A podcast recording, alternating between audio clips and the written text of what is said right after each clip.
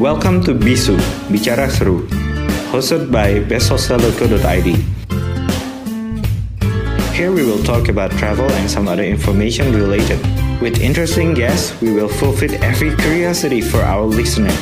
So stick around and enjoy our talks.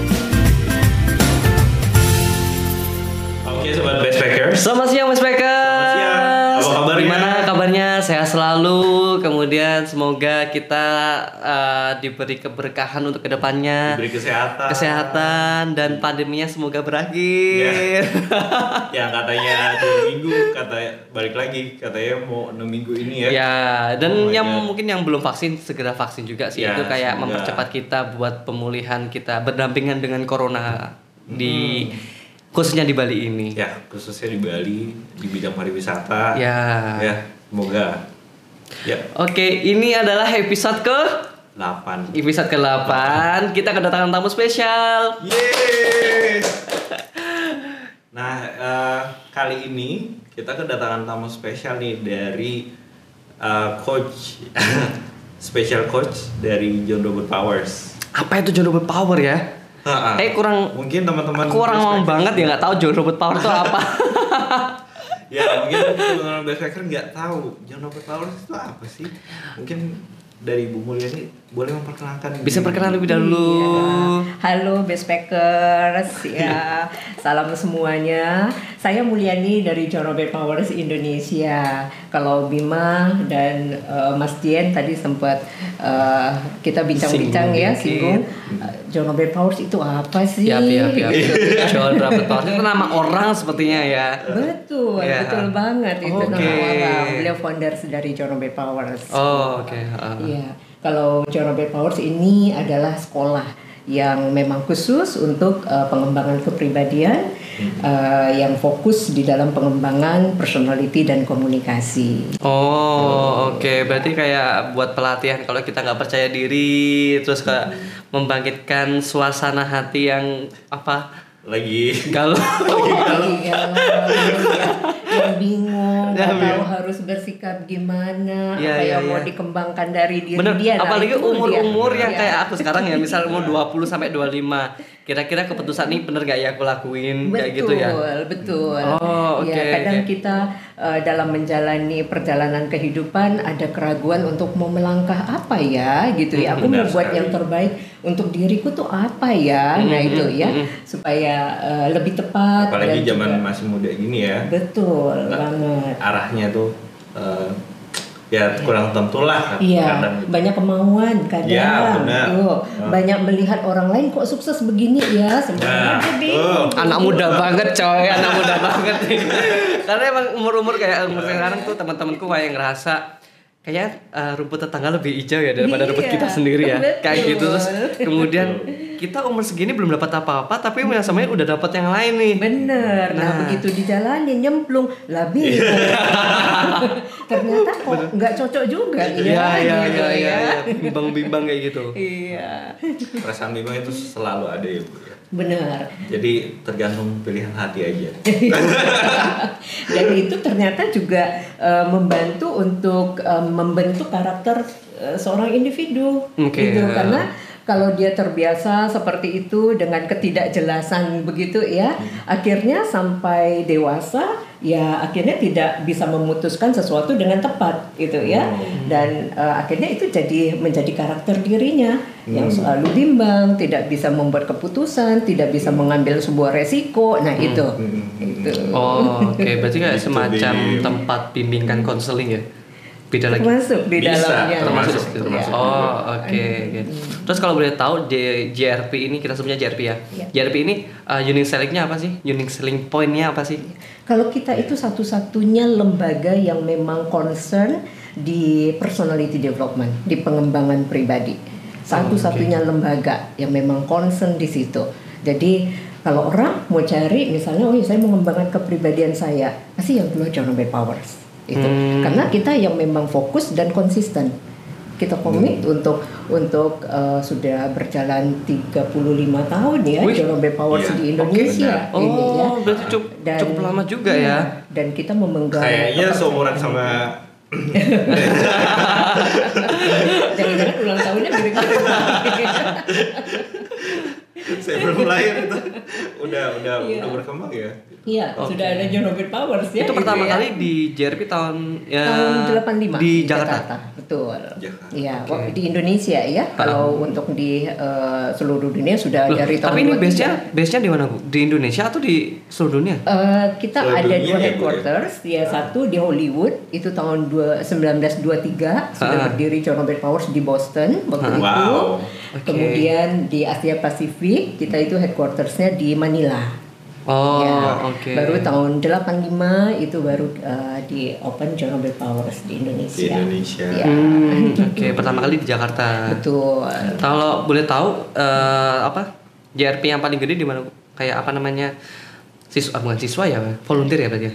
Eh, student, Siswa. student, Ya, betul. siswa. Ya, Ah. siswa. Paling banyak di mana? Bu? Jakarta, Oh, kalau di Indonesia, Iya, di Indonesia. pasti di Jakarta dong. Jakarta. Iya. Kota kedua? di Jakarta tuh eh, studinya bisa berapa sih bu Wah, karena dari seluruh Indonesia ya, itu ya Iya. bisa nampung eh, dan Jakarta ini kan eh, pusat ya untuk keseluruhan Hmm. Aktivitas ya yes. headquarters dan Iya. pusat dari eh, pemerintahan juga dan di sana tuh di Jakarta Robert Powers itu sudah seperti kebutuhan Hmm. bagi orang-orang yang ada di sana gitu nggak cuman untuk pendidikan formal tapi mereka pasti selain pendidikan formal pasti mereka akan dampingin dengan John Robert Powers program Oke, perkembangan, Gitu. ah, ya. betul udah jadi Iya. menjadi kebutuhan di Menjadi sana kebutuhan. ya Oke. gitu kalau dulu mungkin orang eh, menjadikannya ini oh seperti lifestyle seperti gitu Ah. ya tapi berkembang berkembang ternyata enggak Mhm. semakin orang aware dengan pentingnya untuk Iya. eh, seseorang itu berkembang ke- ya, pribadi. akhirnya itu menjadi kebutuhan di sana Oh, gitu.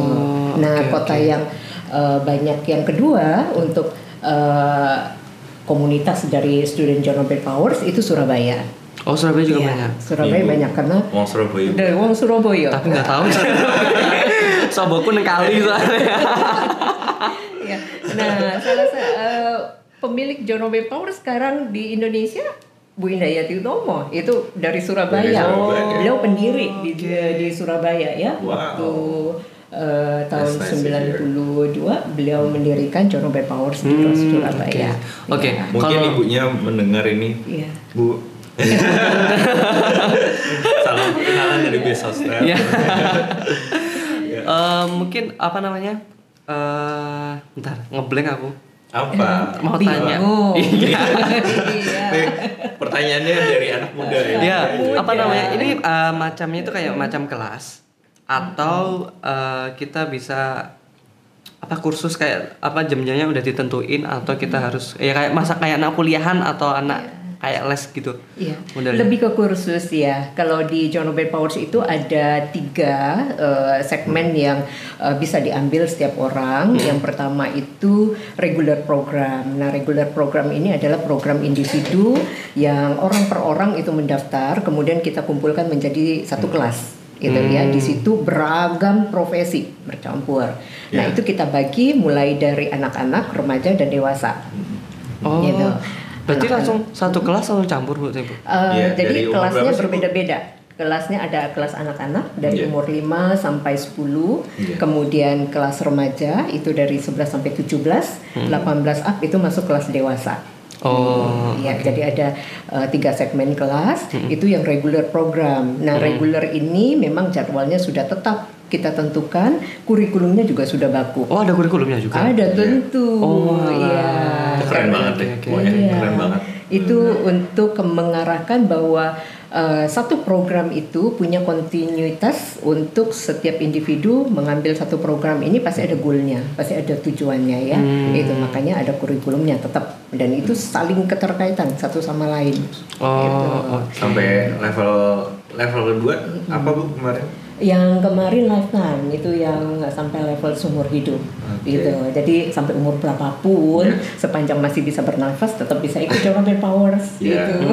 karena ilmunya bisa kapan aja ya Betul, kapan aja dan selalu mengikuti dengan perkembangan zaman. Nah itu Benar sih. untungnya yang eh, sudah sempat mengambil lifetime program. Itu. alhamdulillah program lain itu ada private program. Jadi kalau private program ini eh, individu yang memang ingin khusus mengambil dengan kebutuhan khusus mereka.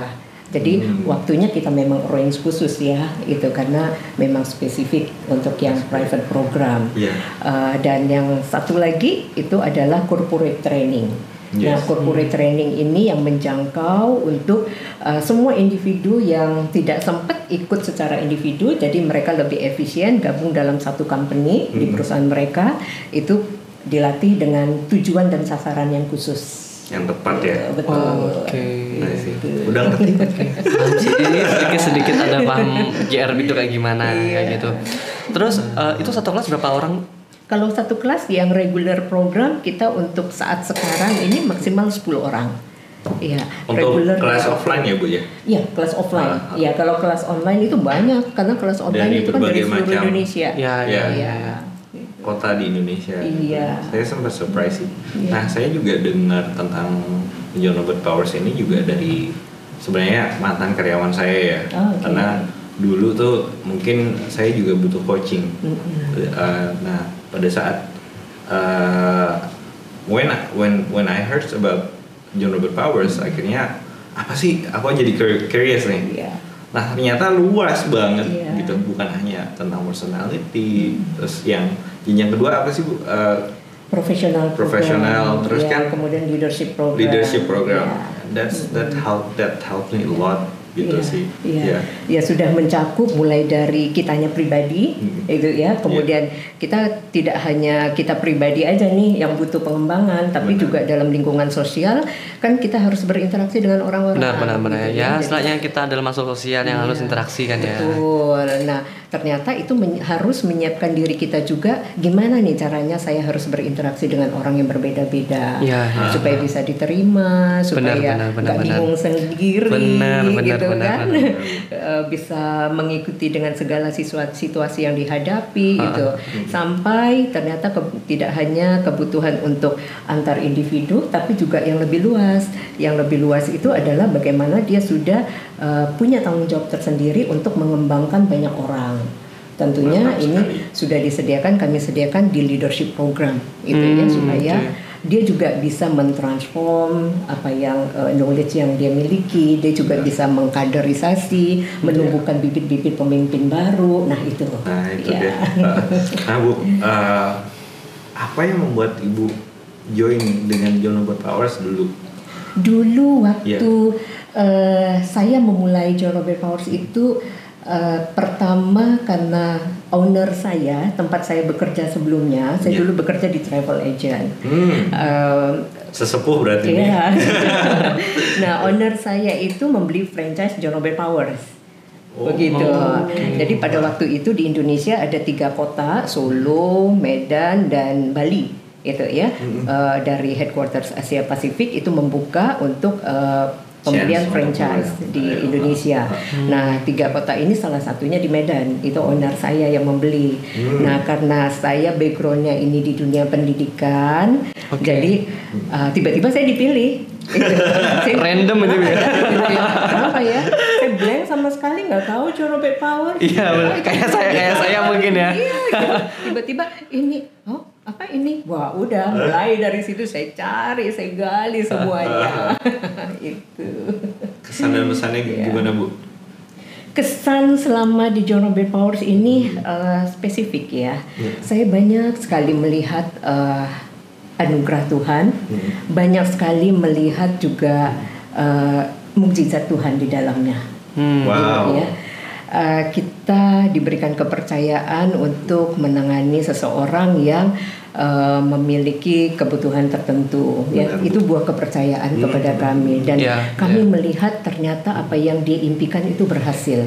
Itu sebagai titipan Tuhan yang kami syukuri bahwa Benar juga sih, Bu. kami melihat banyak sekali eh, mukjizat dan karunia Tuhan di dalam John Robert Iya. Powers. Dan saya saya cukup uh, menarik juga sih maksudnya gini. Kita itu levelnya ya uh, backgroundnya beda. Ya. Uh, sampai uh, mungkin ada anaknya yang jadi DPR MPR Iya. gitu. Siapa sih kita yang jadi jadi minder gitu. Iya. Terus wow, oh my god gitu. Sampai sampai segitunya teman sekelas kita gitu. Iya. Hmm. Tapi uh, balik lagi. Nah, di situlah akhirnya saya ngerasa wow, eh, kita tuh harus sama melihat semua orang Iya.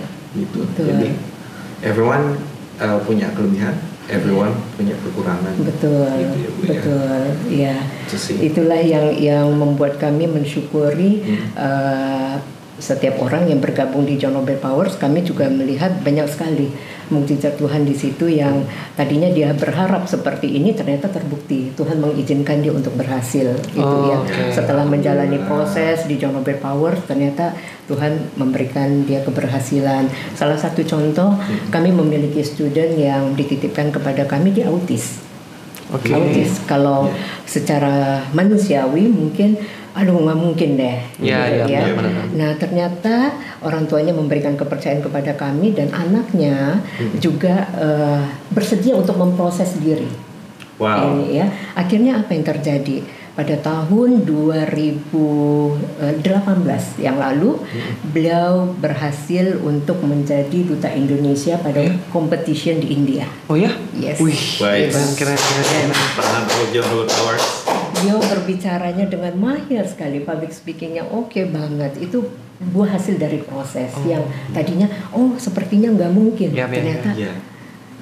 Umur berapa Bu itu kalau boleh tahu? itu pada waktu 2018 eh, 22 22 20 23 ya. Oke, umur-umur yang Iya. apakah waktu ikut join di John Robert Powers.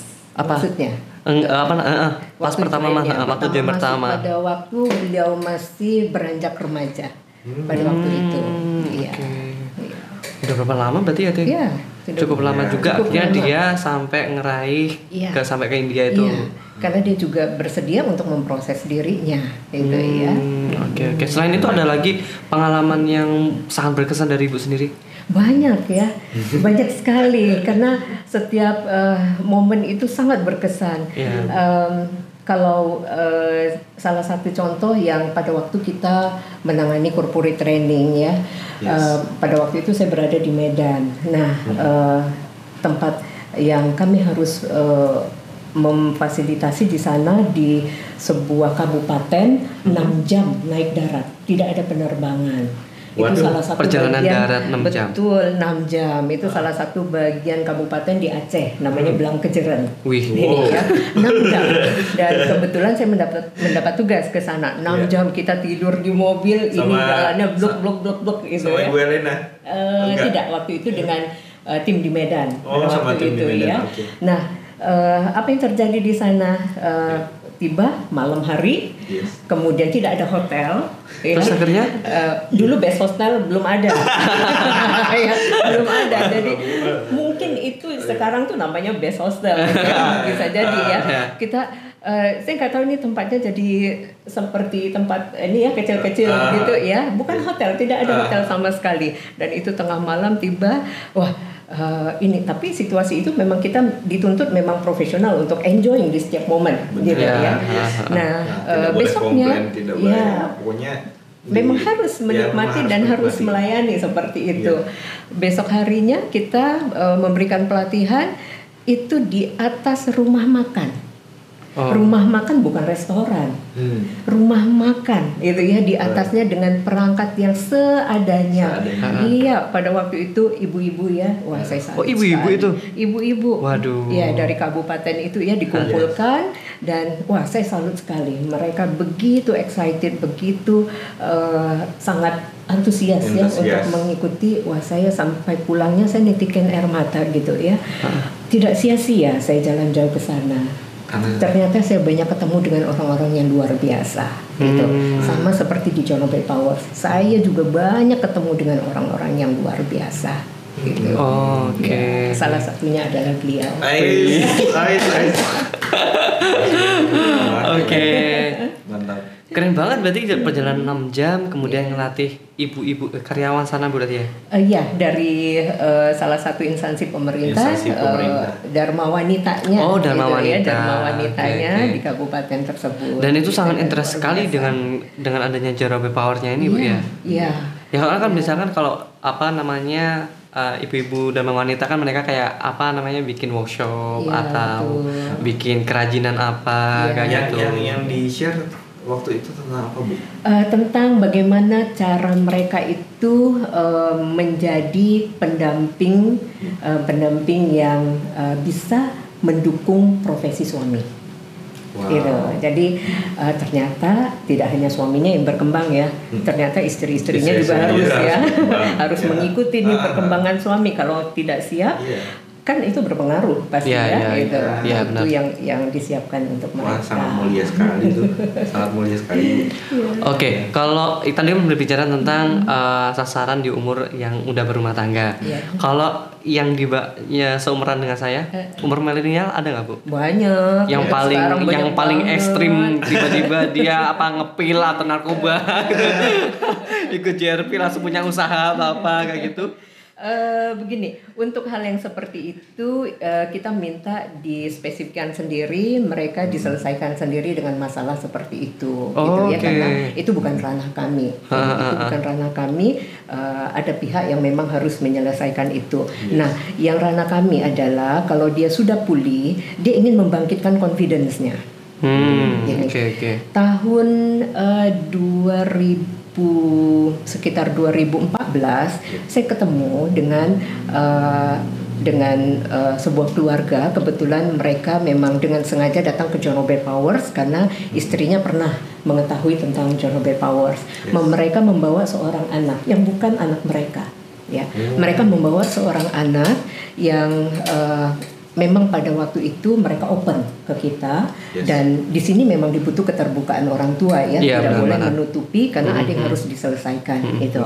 Nah mereka open kepada kami untuk eh, si anak ini punya eh, latar belakang ABCD Hmm. gitu ya, tapi dia sudah tuntas, sudah Yes. clear. Yes. Cuman eh, ada ketidakpercayaan diri dari dirinya setelah dia Iya. menyelesaikan masanya itu. Kenapa?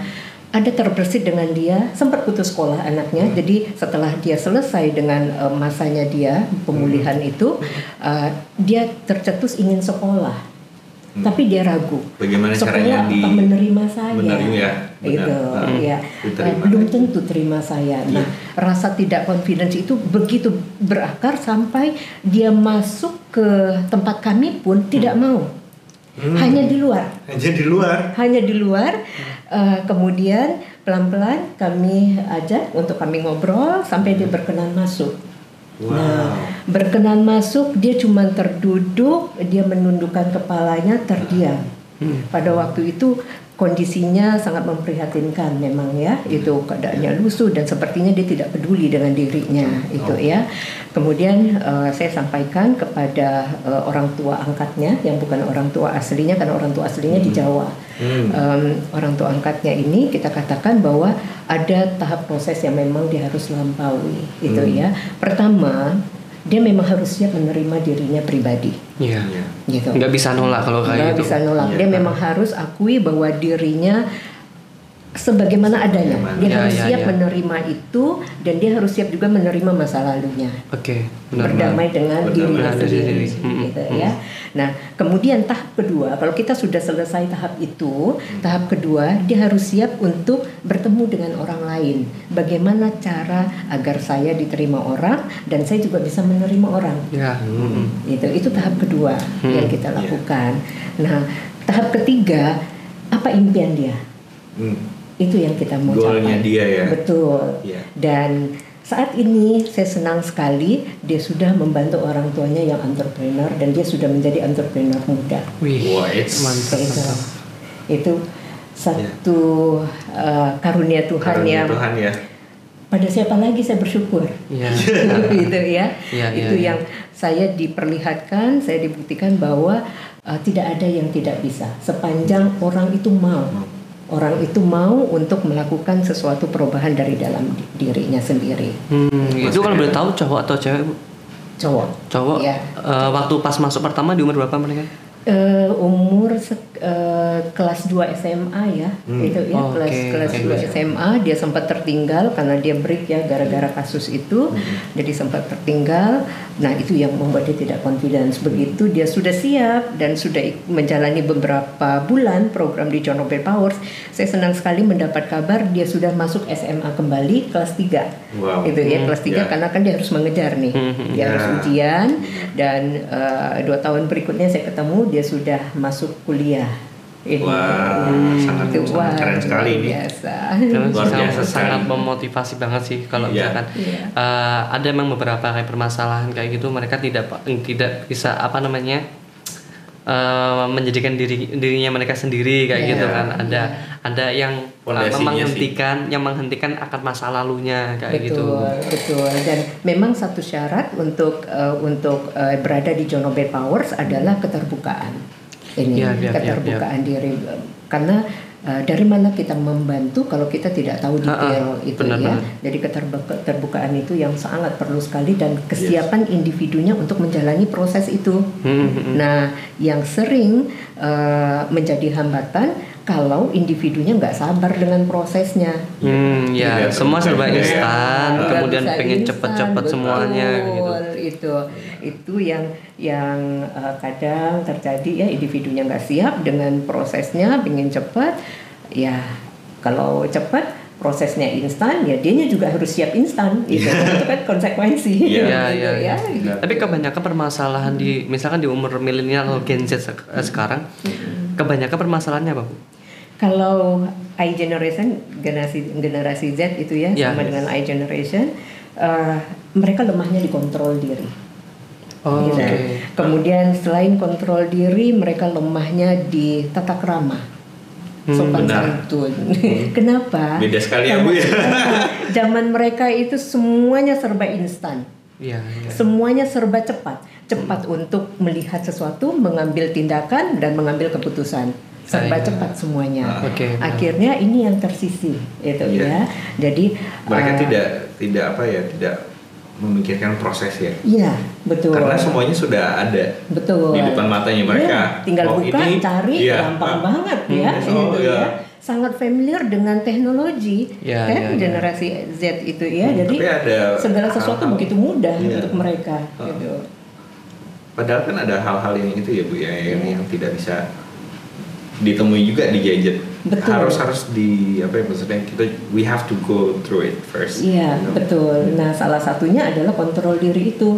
Dia tidak bisa melihat eh, melihat dan menganalisa lebih detail karena dia harus mengambil langkah cepat ya dan biasanya sangat eh, cepat ya. Anak-anak seperti itu juga kerjanya juga cepat Iya, ya iya. kan? Mobilitas Tidak- yang sangat nah, tinggi mereka itu. juga. Mereka Iya. juga mendapat informasi cepat, cara berpikir mereka juga cepat itu Iya. ya. Akhirnya ada yang eh, Bahkan anak kecil pun sekarang sudah mulai apa ya kayak kayak sedikit-sedikit baperan. Iya, Ya, kayak, kayak itu gitu ya. betul. Karena melihat dunia luar Dunia juga luar. banyak yang contoh-contoh luar ya. Jadi ya terikut Iya, itu terikut seperti jadinya. eh, baperan begitu, terlalu sensi gitu. Jadi Iya. logikanya tidak tidak terlalu Iya. berfungsi dengan baik gitu ya. Nah itu iya. juga kecenderungan terjadi.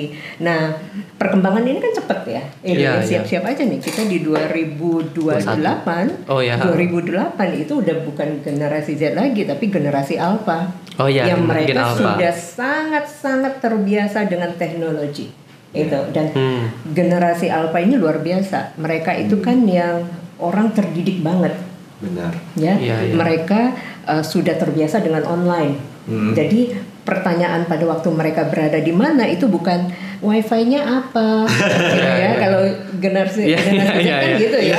Wifi-nya apa nih? Setiap ke mana wifi-nya apa gitu ya. Kalau mereka udah enggak, udah udah memang udah terbiasa gitu ya. Jadi uh, siap-siap kita harus terima ini Harus menghadapi anak-anak yang sedang menuju ke generasi alpha.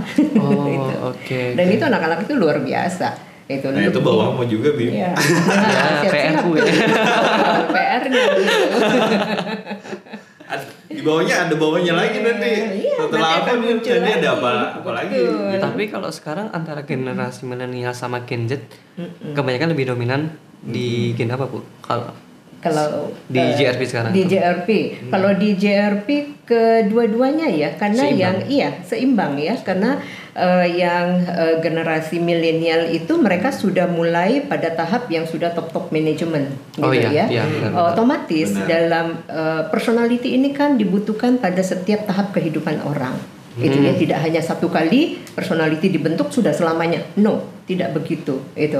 Tapi seperjalanan eh, lingkungan yang dia hadapi, seperjalanan profesi yang dia hadapi, seperjalanan tanggung jawab yang semakin besar, itu menuntut dia untuk ada yang sesuatu yang harus dirubah, digali lagi, Hmm. dirubah, dibentuk, dirubah, dibentuk lagi, Iya. gitu. Dan uh, kalau GRP itu juga mengikuti zaman kan ya Bu ya? Iya, betul. Makanya untung kalau di John Robert Paulus apalagi seperti Mas Tian ini ya ambil lifetime itu. Karena di kita ini kan eh, kurikulumnya selalu terupdate. Per dua harus terupdate sih namanya Iya, kurikulum ya sama kayak di betul. pendidikan kan kan Iya. gitu harus Tapi diupdate. katanya sudah Iya. di stop ya Bu yang lifetime ya Bu ya? Iya betul Jadi- sudah di stop yang lifetime ini kami eh, sudah perbaharui karena menyesuaikan dengan perkembangan juga ya Hmm. eh, yang eh, sekarang ini sampai leadership program itu see. ya Wah, sangat kurikulumnya malah bertambah Hmm. itu karena eh, karena rata-rata eh, setiap orang ini eh, punya masa waktu mereka untuk oh belajar stop dulu nih Hmm. nanti pada waktu usia sekian dia baru kontak lagi John Robert Powers Oke. gitu ya Oke, jadi tinggal, uh, jadi for example nih materinya saya sudah finish. iya Nanti kalau misalnya ada batch baru, saya saya tinggal kontak lagi nih. betul Oke. dan tentunya pada waktu tahun keberapa misalnya ya itu pasti ada materi-materi baru yang muncul gitu yang dulu Mas Dian itu nggak nggak dapet karena belum ada Karena ya. saya ketuaan. Eh, bukan karena belum ada Belum ada ya? materinya karena Ah, kan iya. materinya disesuaikan eh, perkembangan kurikulum itu Iya. sesuai dengan zaman, yang Zaman berjalan juga ya, ya. gitu Uh, ya uh, nah bahkan Pak Andrew sendiri kan ngomongin tentang uh, berapa visitor dia dia sempat tanya berapa visitor uh, website kamu gitu. Uh, segini Pak gitu. Wah, Pak Andrew udah tahu duluan nih gitu. Iya. Sasarannya ke mana gitu. Iya. iya Ah, nah benar. itu yang yang keuntungannya ya yang bisa diperoleh Uh, uh, Oke oke. Udah banyak pembahas tentang JRP ya. Mungkin kita akan spill dikit tentang Besos. best hostel kali ini. Kalau melihat dengan apa namanya selama ibu kerja di JRP terus disangkut pautkan dengan best hostel kali ini, menurut ibu best hostel tuh bagaimana sih? Hmm. best hostel Kita dengar langsung Iya. dari ibunya. Eh, bagus banget karena itu bisa menjadi pilihan khususnya nih anak-anak seusia Bima Ya. ini paling gemar Ya. tuh ya Eh, 12. kecenderungan eh, senang berkolaborasi senang berkumpul Yes. punya komunitas-komunitas gitu Ya, ya, ya, ya. itu menguntungkan banget Ya. untuk uh, best packers yang memang memang ini ya memang uh, menye- menginginkan sarana di situ gitu. Yes. dan untuk sekarang ini ternyata banyak ya Banyak, saya lihat benar. wah bagus-bagus nih gitu. Gak nyangka gitu ya Ah, bagus-bagus banget gitu Ya, yang mungkin dulu kita pernah uh, alami tapi masih belum ada tuh best hostels nah Iya. sekarang ini sudah lebih dipermudah dengan adanya aplikasi best hostels ini Alhamdulillah, bener, bener juga bu. ya Berarti emang mendukung kayak emang milenial milenial tuh orang yang senang akan senang eh, bersosialisasi, Iya. kemudian Ngumpul-ngumpul. liburan, Iya. terus apa mencoba experience yang baru betul gitu ya. betul betul dan sekarang ini ternyata eh, best hostels ini sudah one step ahead ya untuk di masa pandemik sudah berani untuk menggerakkan ini eh, dan sekarang ini sudah eh, menata sudah membuat kemasan menu-menu yang antara lain seperti ini nih Iya. gitu. Iya. nah itu kan membuat eh, nanti pada waktu pandemi sudah terbiasa dalam kehidupan kita Ya. ini Mas Tian udah nggak perlu harus mengemas-ngemas lagi, istilahnya udah harus langsung cus, tancap Iya, gas iya, gitu tancap karena udah dikemas pada saat sekarang, Iya, itu Bu. itu keuntungannya. Iya iya iya iya. Iya, saya Hitungannya kan kita startnya di pandemi, kalau Iya. udah selesai pandemi kita bakal pasti bisa kayak gitu kan. Betul. ya. Ya, Betul. Tinggal tunggu waktunya aja ya bu iya, ya. iya, Gitu. nunggu waktu kita sudah terbiasa dengan pandemi ya. Tapi ibu sendiri dulu pernah ya maksudnya menginap di hostel nggak sih bu? Pernah. Pernah. Dulu waktu saya itu eh, pertama sekali ke Jogja ya. Iya. Saya nggak tahu itu itu kan best hostels gitu Iya, ya. betul. Em, iya eh, waktu dulu sekali gitu ya. Jadi ya ternyata Waktu itu ya, hostel sebagai muda. Nah dalam kondisi-kondisi terakhir-terakhir itu pada waktu saya transit mau tugas ke eh, Samarinda kan harus ke Balikpapan karena waktu itu belum ada flight yang dari Bali ke Samarinda ya. Iya. jadi ada flight yang gak nuntutin saya untuk langsung tripnya, tapi saya harus stay uh, di bandara. Hmm. Itu ya, nah pilihannya kan best hostel. Hmm. Gitu yang area deket situ tuh Iya, gitu iya, ya. iya. penginapan atas bawah gitu ya Iya, see. that's nice bu that's nice Iya. that's nice Iya. ada lagi Bu? Oke, eh, kayaknya udah deh beberapa beberapa pertanyaan tentang best hostel Iya. kali ini. Ah. Kita udah ngobrol sekitar berapa menit ini? Berapa Setengah jam ya. udah lumayan Ah, ya. lumayan nggak kerasa. Nggak kerasa. Iya. Ah, mungkin ada dapetin lagi nih pasti. Mungkin pesan dan kesan untuk eh, teman-teman backpackers di luar sana bu tentang platform kita dan juga eh, sat- satu hal lagi sih eh, untuk teman-teman di luar sana ya saya banyak melihat teman-teman yang tidak percaya diri dengan dirinya mereka masing-masing. Nah itulah eh, mungkin bisa dijawab bu. Iya. Eh, pesan saya jangan pernah menunggu waktu itu aja. Ya, Oke. jadi kita yang harus berlomba dengan waktu. Hmm. Termasuk untuk eh, best hostel sekarang jangan Iya. menunggu waktu untuk eh, pandemik berakhir baru eh, gebrak ini tidak. Tapi pada saat sekarang itu memang sudah harus Gencar-gencarnya. ya, gencar-gencarnya karena eh, itu akan menjadi brand awareness yang yang melekat ya begitu pandemik berakhir orang udah pada gerah nih Hmm. untuk pengen keluar aja Ya, ya ya, kan? ya, ya. Nah, udah siap-siap mereka tinggal milih yang mana karena sudah hunting-hunting sebelumnya, Ya, gitu kan? benar, Bu. Nah itu untuk eh, kami sendiri eh, kami cuma memesankan kepada seluruh masyarakat ya itu sama tidak jangan menunggu waktu itu Hmm. karena biasanya problem yang paling besar dari setiap individu adalah menunda waktu. Ya, ya. mereka ya. nggak tahu nih ternyata dunia itu begitu cepat berjalan. Nanti aja Iya gitu kan. betul. Kita nggak tahu nih kebutuhan pada saat pandemik ternyata udah begini nih. Nanti nextnya apa lagi gitu ya. Kalau menunggu, tunggu ini selesai, tunggu ini selesai, udah ketinggalan jauh. Benar, gitu. benar. Iya. Iya sih, nah, mana. Iya. Kalau biasanya kalau di umur-umur kita adalah eh, kita nunggu budgetnya terlebih dahulu nih, Iya. atau nunggu temen terlebih dahulu nih buat Betul. jalan ke sana. Mm-mm. Kan kita kalau misalnya kita harus jalan sekarang pun bisa, Iya. malah eh, kayak keluar dari zona nyaman kita sendiri ya itu Betul. ya. Betul banget. Oke deh. Banyak banget informasi tentang JRP dan kemudian kayak kita kayak ngomong antara psikolog ya. Ngomongnya Maklum, direkturnya sendiri loh. langsung datang ke sini loh. Oke, Sangat- mungkin sangat sangat apa namanya? Sangat beruntung sekali ya. Iya. Best Hostel Indonesia untuk Iya. bisa mengundang ibu di sini dan bisa memotivasi seluruh uh, teman-teman apa yang mendengarkan podcast kita atau di YouTube dan semoga Nah, eh, last question Bu yang tadi. Oh, ada Bu. lagi. Oke. Eh, tentang how to build eh, everyone's confident Oh, Oke, iya. pada saat eh, umur-umur segini nih. Kan Iya. Eh, banyak sekali tuh contoh-contoh mungkin ya, ya, ya yang seperti ibu bilang kan maksudnya gampang sekali kebawa Iya. eh, j- apa eh, ya alur lah gitu Iya.